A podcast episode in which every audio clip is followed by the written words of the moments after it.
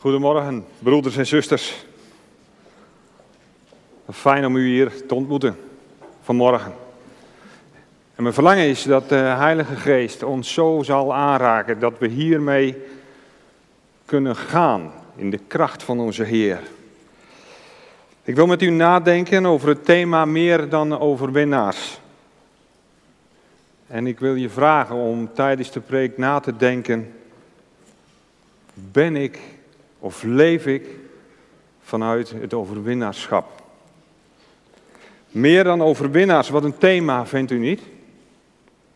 In hoeverre ervaar je die overwinning in je leven? Er zijn zoveel mensen die er doorheen zitten. Door verdriet. Of ze zijn opgebrand. Of ze zijn een wrak geworden door teleurstelling. Je kunt teleurgesteld zijn door het uitblijven van een gehoopte verandering. Neerslachtigheid of teleurgesteld zijn kan voor een deel een vlucht uit je leven zijn. Een wegkruipen in een eigen comfortzone. En het wordt uiteindelijk een zelfgebouwde gevangenis. In de, in de Bijbel komen we een man tegen die opgebrand is door de strijd waarin, waarin hij stond. Waarin hij uiteindelijk is, in is terechtgekomen. Een man die volgens Jacobus een man is die precies zo is als wij.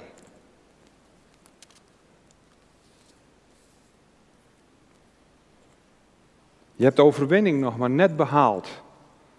Of maar net gevierd. En je wordt ongelooflijk te neergedrukt. En deze persoon, in zijn geval, kruipt weg.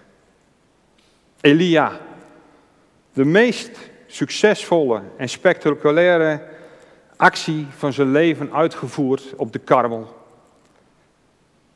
Een actie waar hij vol geloof in was gaan staan. En waar God hem niet in teleurstelde. Maar er was niets veranderd in het leven van Agab en Izebel. Ook na die driejarige droogte niet. En we zien dat bij Elia de moed in de schoenen zakt. En hij vlucht de woestijn in. En hij gaat daar zitten met zijn hoofd tussen zijn knieën. En hij zegt, Heer, neem mijn leven. Het is genoeg. En Elia verlangt naar de dood. Teleurgesteld vlucht hij de woestijn in. Zo'n 320 kilometer richting de Horeb. De Horeb, waar God zijn verbond sloot met zijn volk. 320 kilometer. Dan moet je je voorstellen, dat is een afstand van Emmeloord naar Luxemburg. Op zoek naar God. Wat moet je daar anders doen? En God vraagt hem: Wat doe je hier? En Elia zegt: Ik heb me zeer voor de Heer de God van de legermachten ingezet. En ze hebben u verlaten. En ik ben alleen overgebleven. En ik ben nu aan de beurt. En Elia is zwaar teleurgesteld. Wat een herkenbaar verhaal. Het zou zomaar jouw verhaal kunnen zijn. Misschien heb je stappen gezet in geloof. En ben je door teleurstellingen op een punt gekomen waar je het niet meer ziet zitten. Of ben je opgebrand doordat je je altijd maar hebt ingezet, bijvoorbeeld voor de gemeente. En je bent teleurgesteld. Of is je huwelijk een ongelooflijk drama. Of je vecht al jaren om het vuur van de geest. Maar je bent meer uitgeblust dan ooit. Ik had een vriend die tot geloof gekomen was. En we hadden veel contact met elkaar. En we deelden heel veel samen. Vooral als hij het moeilijk had of met geloofsdingen worstelde. Dan zochten we elkaar op en we worstelden samen met God. We juichten, we huilden samen. We hebben samen gebeden. Kortom, deze man was enthousiast voor God. Ik heb de Heilige Geest in zijn leven zo zien werken. Tot het moment dat hij te maken kreeg met heftige tegenslagen. En hij begon te veranderen. Van lieverlee ging ik hem minder zien. Hij was veel weg, kwam terecht in een scheiding en hij brak met zijn geloof. Een heftige ervaring. De Heilige Geest bij iemand zo zien werken. Is het dan allemaal voor niets geweest? Je daggedachten zijn geen moment stil. Het stormt in je hoofd. Het is alsof er een echo in je hoofd is. Waarom? God vraagt vandaag, wat doe je hier? Wat doe je hier op dit gestrande stukje van je leven? Het is niet goed om hier te blijven staan. Er moet iets veranderen. Deze morgen. De Heer vraagt aan Elia of hij op die berg buiten komt staan. En ik vraag je, ga figuurlijk eens buiten staan. Op die berg. En Elia ziet dat God een hevige windvlaag langs laat komen, die bergen uit elkaar spleet. Maar in dit geweld was God niet aanwezig. Een aardbeving maar ook in dit geweld was God niet aanwezig. Een vuur, maar ook hier was God niet in aanwezig. En als laatste was er een suizen van een zachte stilte. En Elia doet zijn jas voor zijn ogen. Want God was in de stilte. En God sprak vanuit de stilte: Elia, wat doe je hier? Wat doe jij hier vanmorgen? Ben je gekomen deze morgen om God tot je te laten spreken? Wat moet er dan anders? En hoe moeten we dan kijken naar het overwinnaar zijn? Vanmorgen wil God spreken vanuit het lezen en nadenken vanuit Romeinen 8. En dit gaan we zo lezen. En ik wil je voor de tijd de situatie schetsen van Rome. Rome was een gigantische stad. En Paulus noemt in zijn brieven verschillende zondige praktijken op. Die een aardige doorsnee geven van het leven in Rome. Het steeds meer verharden van het sociale leven. Het niets aantrekken van de wet en van orde. Onbeheersbaar geweld en misdaad. De overheid had de grootste moeite met het innen van belastinggeld. Belastingontduiking en zwartwerk waren aan de orde van de dag. Paulus zelf was op dat moment nog nooit in Rome geweest. Er was destijds al een Joodse gemeente gesticht. En deze Joodse gemeente bestond uit 40.000 Joden. Maar die waren onder de regering van Claudius de stad uitgestuurd, omdat deze Claudius anti-Joods was. Maar na de dood van Claudius in 54 na na Christus. Onder de leiding van Nero nodigde hij de Joden opnieuw om de stad weer in te komen. Want Nero, die zag dat hij geld aan hen kon verdienen. Maar de Joden werden vanuit de gemeente die toen onder de, het regime van Claudius, de gemeente, uh, waar, waar, de gemeente was toen ontstaan, die toen verder groeide, waren uit geloof gekomen heidenen. Maar deze Joden werden niet enthousiast ontvangen door de heidenen. Dus er ontstonden spanningen. Spanningen van buitenaf en spanningen van binnenuit.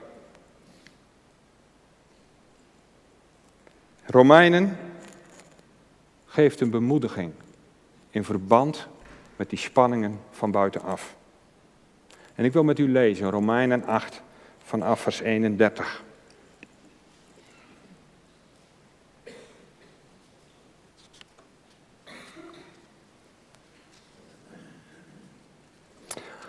Als God voor ons is, wie zal er tegen ons zijn? Hoe zal Hij, die zelfs zijn eigen zoon niet gespaard heeft, maar voor ons allen overgegeven heeft, ons ook met Hem niet alle dingen schenken? Wie zal beschuldigingen inbrengen tegen de uitverkorenen van God? God is het die rechtvaardigt. Wie is het die verdoemt? Christus is het die gestorven is, ja wat meer is, die ook is opgewekt. Die ook aan de rechterhand van God is, die ook voor ons pleit. Wie zal ons scheiden van de liefde van Christus?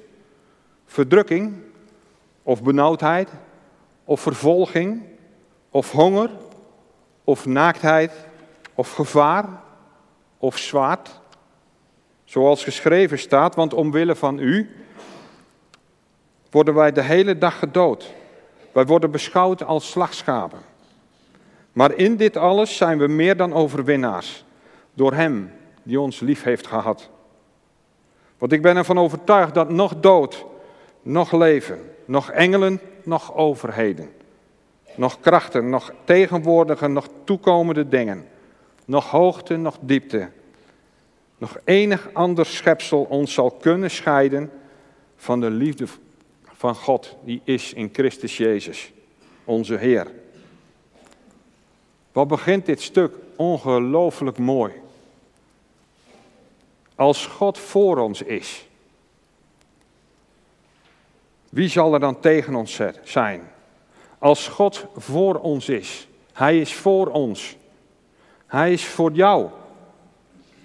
En het tweede is een logisch gevolg. Wie zal er tegen dan, dan tegen ons zijn? Als God als hoogste persoon voor ons in is, dan is het niet zo relevant dat er machten tegen je zijn. Dat wil niet zeggen dat er geen last, dat je geen last kunt hebben, dat je geen last van die machten kunt hebben. Maar God heeft het laatste woord. Hij heeft overwonnen. Hij is overwinnaar. Dat is, dat is niet zonder strijd gegaan. God heeft alles wat Hij heeft gegeven, zijn eigen zoon, Jezus Christus. En de nieuwe Bijbelvertaling zegt het heel mooi. Hij zegt het treffend. Omwille van ons heeft Hij zijn zoon niet gespaard, maar ons allen prijsgegeven. Zal Hij dan niet met Hem ons alles schenken. Hij heeft ons alles geschonken om in die overwinning te kunnen staan. Christus heeft alles gegeven om altijd met Hem samen te zijn. En nog een keer, dat is niet zonder strijd gegaan. Evenals Elia was Jezus 40 dagen en 40 nachten in de woestijn. Hij werd daar verzocht door de duivel. Hij werd daar verzocht om van, brood van stenen brood te maken. Hij werd verzocht om van de tempel te springen. Hij werd verzocht om voor de duivel te knielen en hem te aanbidden. Zijn leven lang is geprobeerd om hem onderuit te halen, naar aanleiding van de wet. Hij was een struikelblok voor de elite. En toen hij de zonde aan de kaak stelde, toen haalden ze hun schouders op. En ze zeiden van hem dat hij een overste was van de duivel. En of dat niet genoeg was, in de nacht voor zijn overlevering, toen hij in de hof was, toen schreeuwde hij vol angst naar zijn vader: Vader, neem deze drinkbeker van mij weg. Niet mijn wil geschieden, maar die van u. En toen hij terugkwam bij zijn broeders, toen sliepen ze.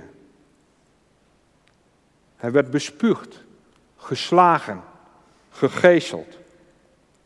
Maar hij zei niets. Hij is verraden door een volgeling. Hij is verlogend door een vriend. Hij leed alleen. Hij werd bespot als de koning van de Joden.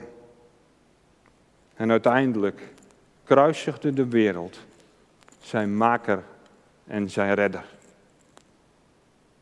Onschuldig. In een diepe duisternis was hij verlaten van God en van iedereen. En Jezaja profeteerde dat er geen gestalte of heerlijkheid aan hem was.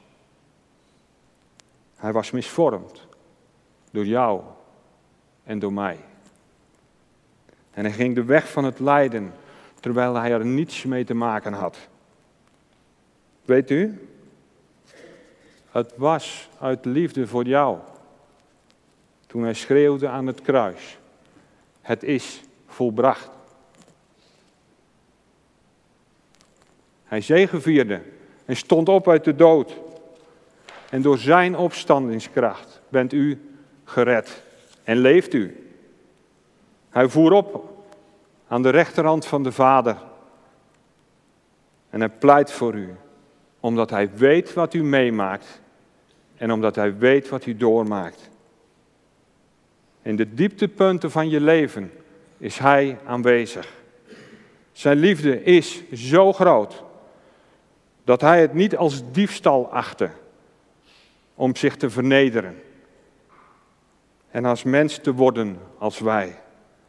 Hij nam de, omze, hij nam de zonde op zich om voor ons te betalen. Dat is liefde. Liefde die zich al uitte toen wij vijanden waren. Het is liefde die zich onafscheidelijk verbond met jou die gelooft. Hier ligt de sleutel van het overwinningsleven in Christus. Jouw verbondenheid met Christus. Ervaar je die overwinning? Of leef je van zondag op zondag? Of van conferentie naar conferentie? Ben je afhankelijk van deze hoogtepunten? Of ervaar je de overwinning ook in de tussentijd? Natuurlijk is er geestelijke strijd. Als kind van God leef je op, terrein, op het terrein waar de duivel het voor het zeggen heeft. Hij is erop uit om je relatie met God kapot te krijgen. En de Bijbel zegt dat hij rondgaat als een briesende leeuw om te kijken wie hij kan verslinden. En Efeziërs zegt, zegt Paulus, dat we de strijd niet hebben tegen vlees en bloed, maar tegen de overheden, tegen de machten in de lucht. En de Bijbel roept ons op om de hele wapenrusting aan te trekken. En dat betekent Jezus aantrekken.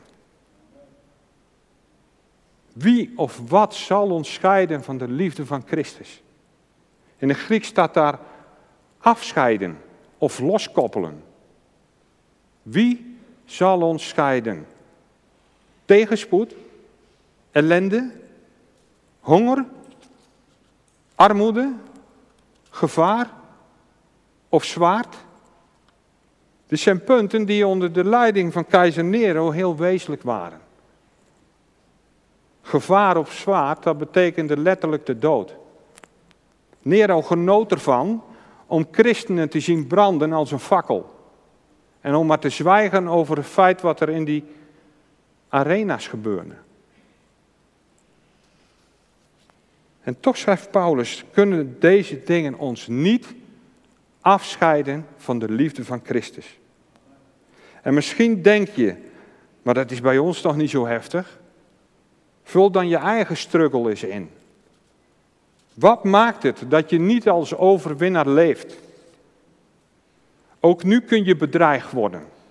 Als je openlijk de keuze maakt voor Jezus. Als je in gehoorzaamheid wandelt met Hem.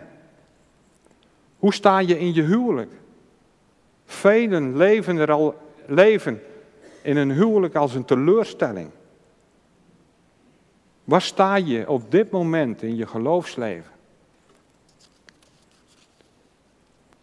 Hoe ervaar je nu in alle omstandigheden van je leven dat je in Christus overwinnaar bent? En dat niets je kan scheiden van de liefde van Christus? Wat is dan Christus aantrekken? Wat is de sleutel? In het bloed van Christus, in het offer van de Heer Jezus, ligt de overwinning. Als je je hand legt op het volmaakte offer van het lam, ben je voor altijd overwinnaar. Want dan deel je in zijn overwinning. God wil je, wil je wijzen op wie je bent in Christus. Wie je bent in Hem. Je wandel in en bij Hem. Het wezenlijke is dat je geen winnaar hoeft te worden, maar dat je gaat zien dat je meer dan overwinnaar bent. Nog een keer. Je hoeft geen winnaar te worden, maar je bent een overwinnaar. Maar hoe passen we dat dan toe in ons leven van vandaag? Welke Goliaths ken je in je leven? Welke dreigingen komen er op je af? Wie of wat zijn de reuzen en hoe overwin je ze?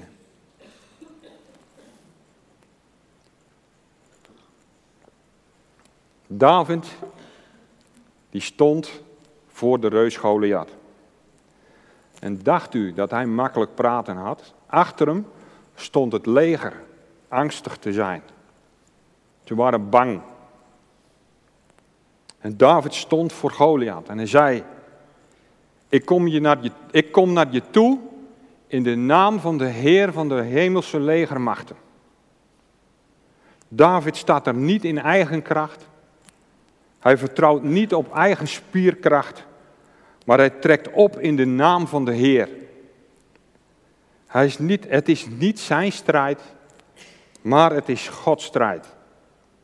Hij gaat vooruit in de strijd. Jezus voorop in je leven. Op Hem blijven zien. Op Hem blijven vertrouwen. Dat is vanuit overwinning leven. Dat wil niet zeggen dat alles vlekkeloos verloopt. Maar de overwinning ligt in de hemel. Hij is behaald in Christus. De strijd is gestreden. En wat je nu ook meemaakt, ondanks de tegenspoed, ondanks de ellende waar je middenin kunt zitten, ondanks de dood, ligt nu de overwinning in het feit dat Christus voor jou groter is dan de omstandigheden. Hij is groter voor jou dan welke dreiging ook. Hij is groter voor jou dan welke teleurstelling ook. Is het makkelijk om op deze manier Jezus voorop te laten in je leven? Nee, want je gevoel zegt zo vaak anders. Maar juist in die strijd is het nodig te weten wie de winnaar is. Je bent niet in gevecht voor de overwinning, maar je strijd is vanuit de overwinning.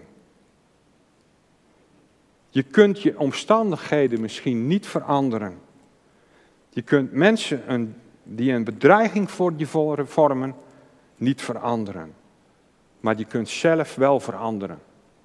Door te vertrouwen op Hem. Toen ik nog in loondienst zat, leidde ik samen met een collega vriend een aantal mensen, werknemers als voorman. En midden in die drukke, hectische tijd werd mijn collega ziek en stierf. Er kwamen toen wel personeelsleden bij, maar niet als leider. Dubbele werkuren in de week draaien en het werd gewoon te zwaar om vol te houden. Vooral toen mijn leidinggevende de druk probeerde op te voeren om meer productie. En je roept naar God om hulp, om overzicht.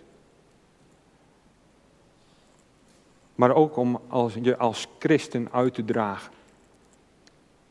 En op de grens van een burn-out zei een Bijbelstudieleraar tegen mij: Heb je het moeilijk op je werk? Ga dan voordat je die kantine inloopt. Iedereen zegenen in de naam van Jezus. Ik ben dat gaan doen.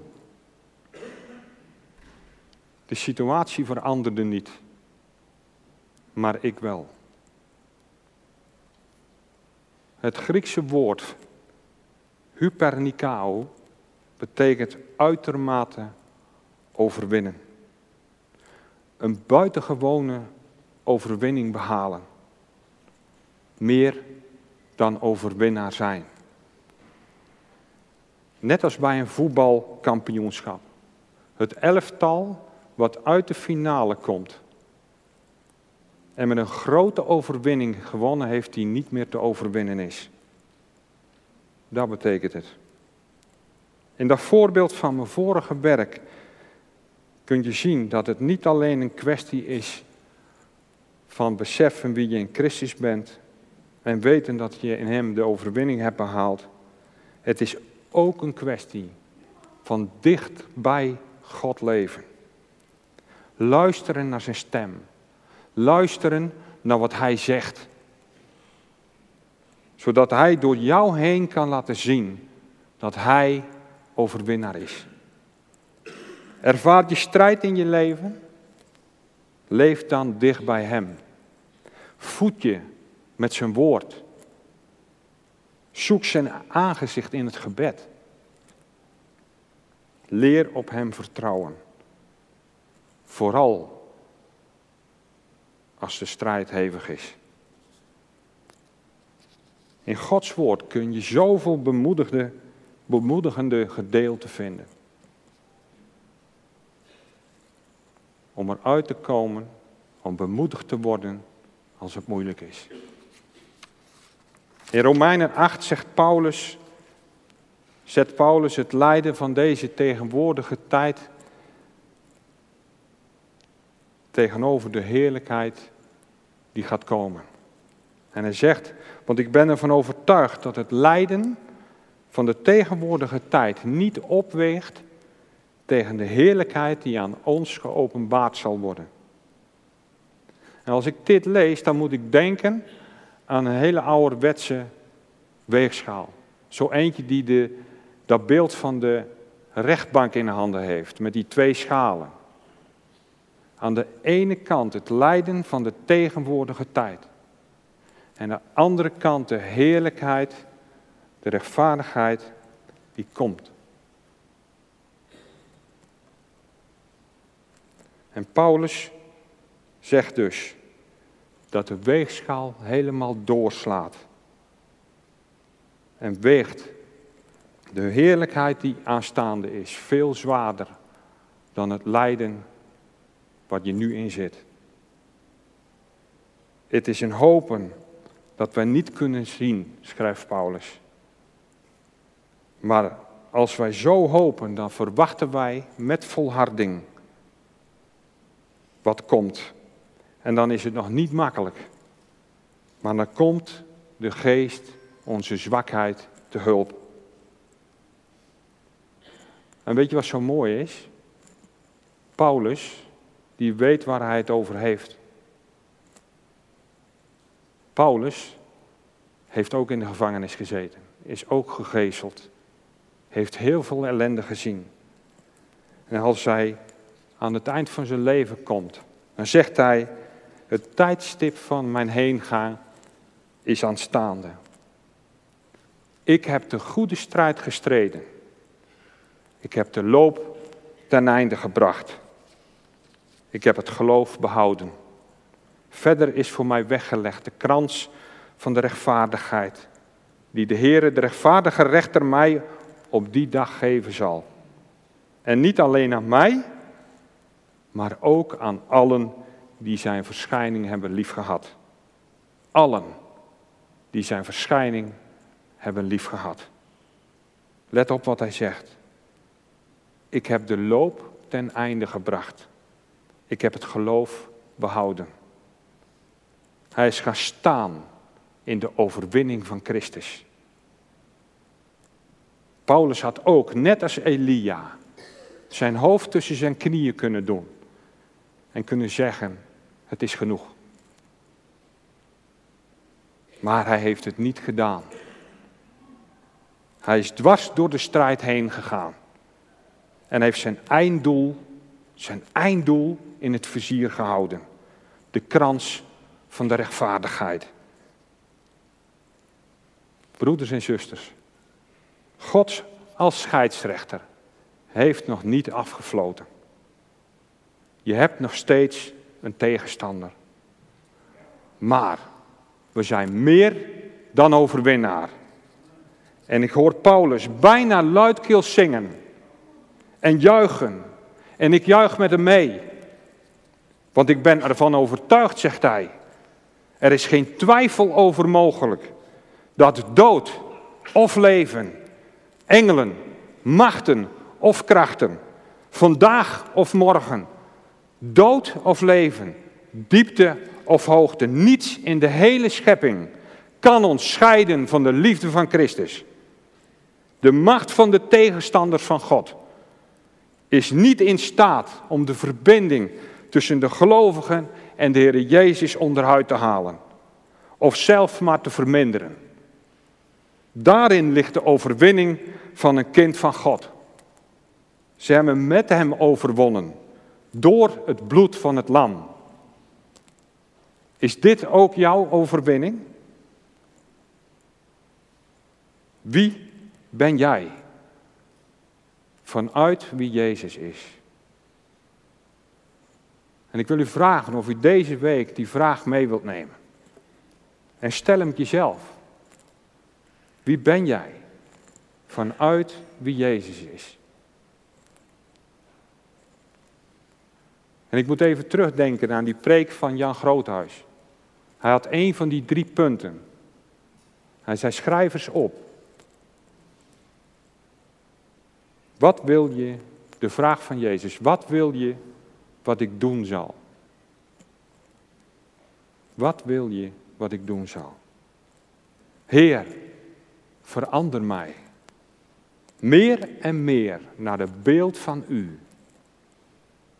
Daar waar ik mijn omstandigheden of andere mensen niet kan veranderen. Maar verandert U mij. Broeders en zusters. Ik vind het zo waardevol.